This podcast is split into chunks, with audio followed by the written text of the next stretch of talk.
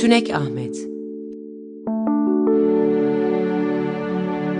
Yazan Halikarnas Balıkçısı Seslendiren Hakan Meriçliler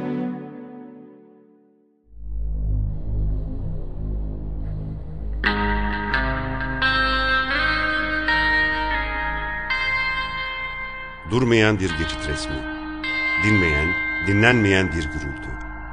Durup dinlenmeye vakit yok. Tramvay çanı, otomobil gürültüsü, benzin gürültüsü, benzin kokusu, dudak boyası. Göçüm saati çalıncaya kadar geçim derdi ya da geçmece yarışı. Bir sere yakalanmışsınız. Komşuyu düşünecek, sevecek vaktiniz henüz yok. Çünkü postunuz elden gidecek, deriniz yüzülecek. Boğulmamak için başınızı suyun üstünde tutmanız gerekli. Bunun için de sağdaki soldaki komşu başlarına elinizle dayanacak ve onları boğarak kendiniz boğulmaktan kurtulacaksınız. Bütün enerjiniz bu işe harcanacak. Gücünüz ne dünyada yeni bir şey eklemede kullanılacak ne de var olana.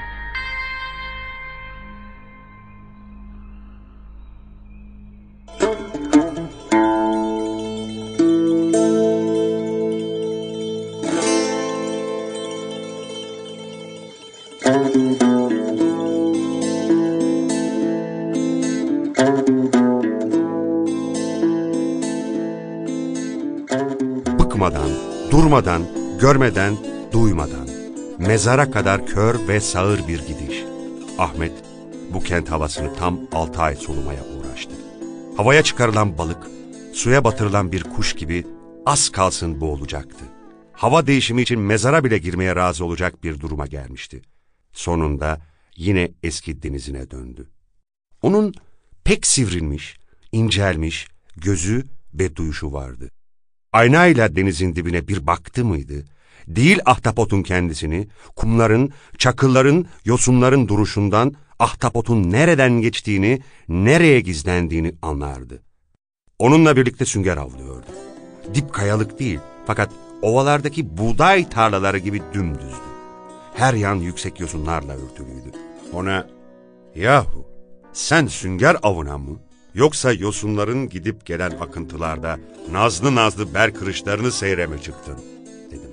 Şimdi görürsün demeye gelen bir işaret yaptı.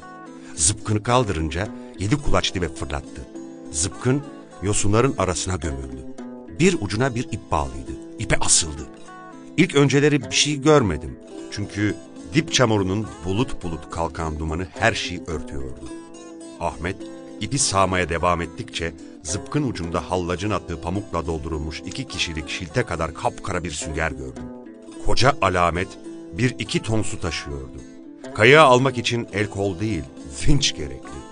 Ahmet süngerin suyunu sıkıyor, ben de yardım ediyordum.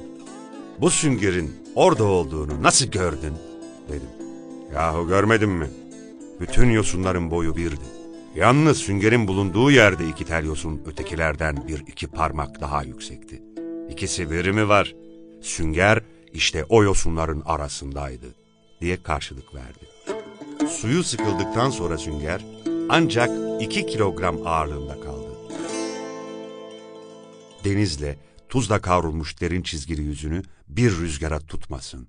Sanki rüzgar bütün sırrını kulağına fısıldamış olurdu. Bir gün bana kırlangıçlar alçak uçuyorlar. Bu kurak devam edecek dedi. Kendisine peki ne olacak der gibi bön bön baktım. Havada duyulur duyulmaz bir çıt oldu. Bir serçe yavrusunun çalılar arasından cık etmesi gibi. Ahmet başını hızla kaldırdı. Hadi çabuk savuşalım dedi. Sordum. Ne oluyoruz? Bu üç oluyor. Samiye kadın yine benim kuyudan su çalıyor. Üç kova aldı. Herhalde çıkrığı buradan duyacağımı bilir. İsteseydi parmağına yağ sürer, çıkrığı yağlardı. O zaman ben duymamış olurdum. Mağrur kadın, bu kurakta gelip su istemeye utanıyor. Ya da gururuna yediremiyor. Çıkrın çık edişi bana anlıyorsun ya demesidir. Zavallının çocukları var. Uzaklaşalım da kadın rahat rahat istediği kadar su alsın dedi. Uzaklaştık. Adam neredeyse akşam üzeri vadilerde yürüyen gölgelerin yürüyüşünü kulağıyla duyacaktı.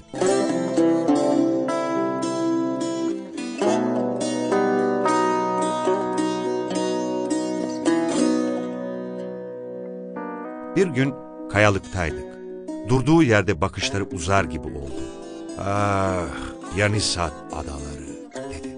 Nereden nereye diye sordum. Bana harıl harıl bir şeyler anlattı. Anlattıkları hatırımda değil.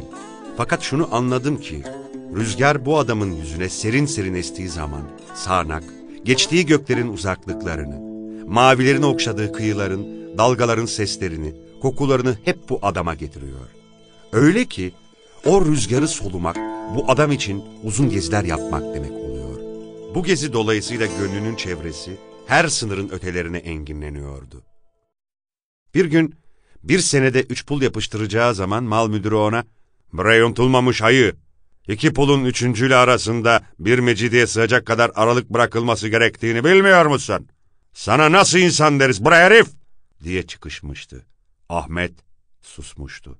Ama nasıl bir susuş. Sanki mal müdürünün önünde ölü vermişti.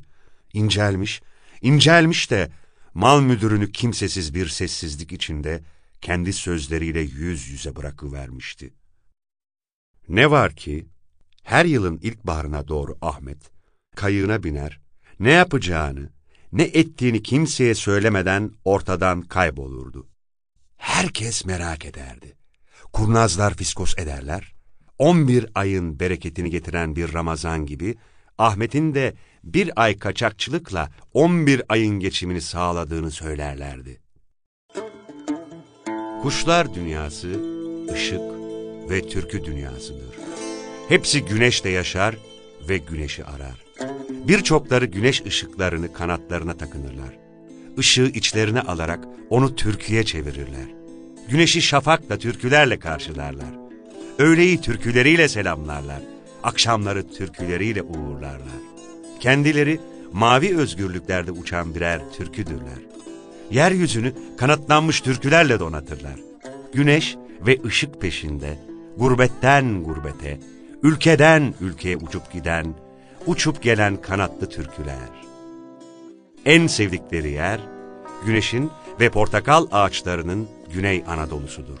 Portakal, limon çiçekleri açar ve kokularının tütsüsünü kuşların türküsüne dolaya dolaya mavilere verir.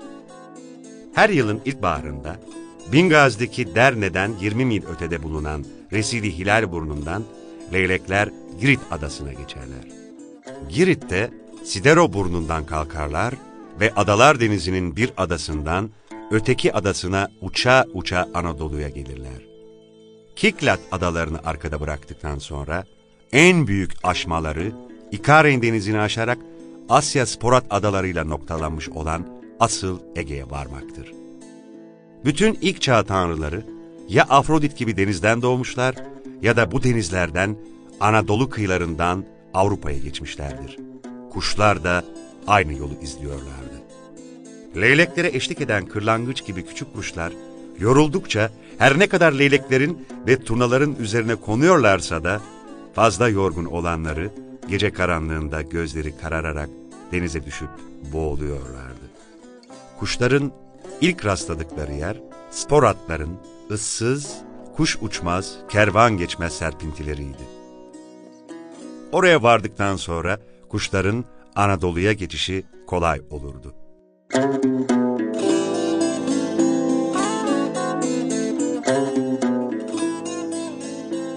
Bir gün kahve evinde oturuyorduk. Poyraz Hasan kafayı tütsülemişti. Dili çözülmüştü. Kahvedekiler Ahtapot Ahmet'ten söz ediyorlardı. Poyraz Hasan, Ahmet'in nereye gittiğini ben size anlatıvereyim, dedi. Yutkundu. Sakın ha söylediğimi ona yetiştirmeyin. Sıkılır, utanır, ben de utanırım, dedi ve devam etti. Bir gece benim guletle Kıbrıs'tan geliyordum. Aksi bir rüzgar esti. Ben de kanaldan çıkıp Nisiros'un altındaki o ıssız adaların arasına düştüm. Ay ışığı vardı. Ara sıra havadan sağanak sağanak kuş cıvıltıları ve kanat türküleri geliyordu.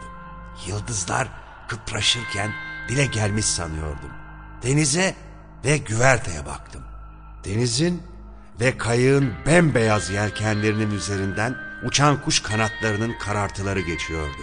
Bir de adalara baktım. Bilirsiniz ya orada kimsecikler yoktur. Oysa adalar bir donanma varmış gibi ışıldıyorlardı.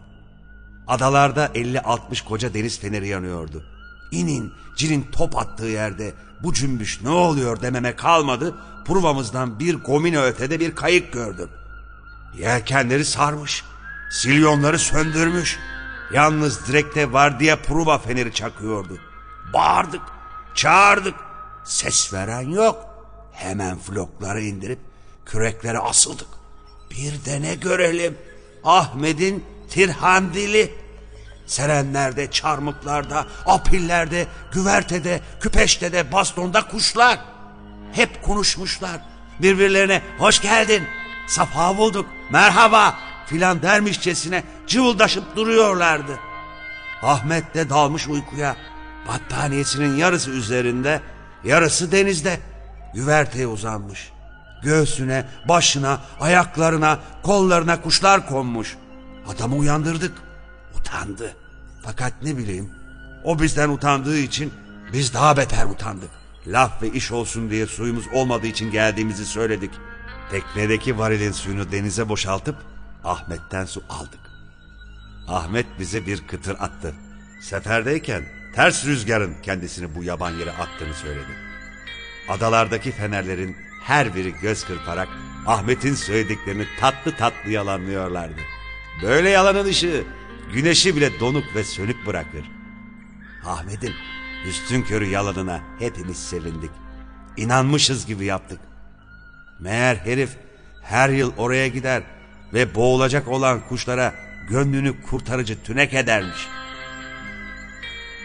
Ertavsızın ışığı bir noktada toplaması gibi Ahmet de görmüş olduğu güzellikleri iç edip kuşların imdadına koşuyordu.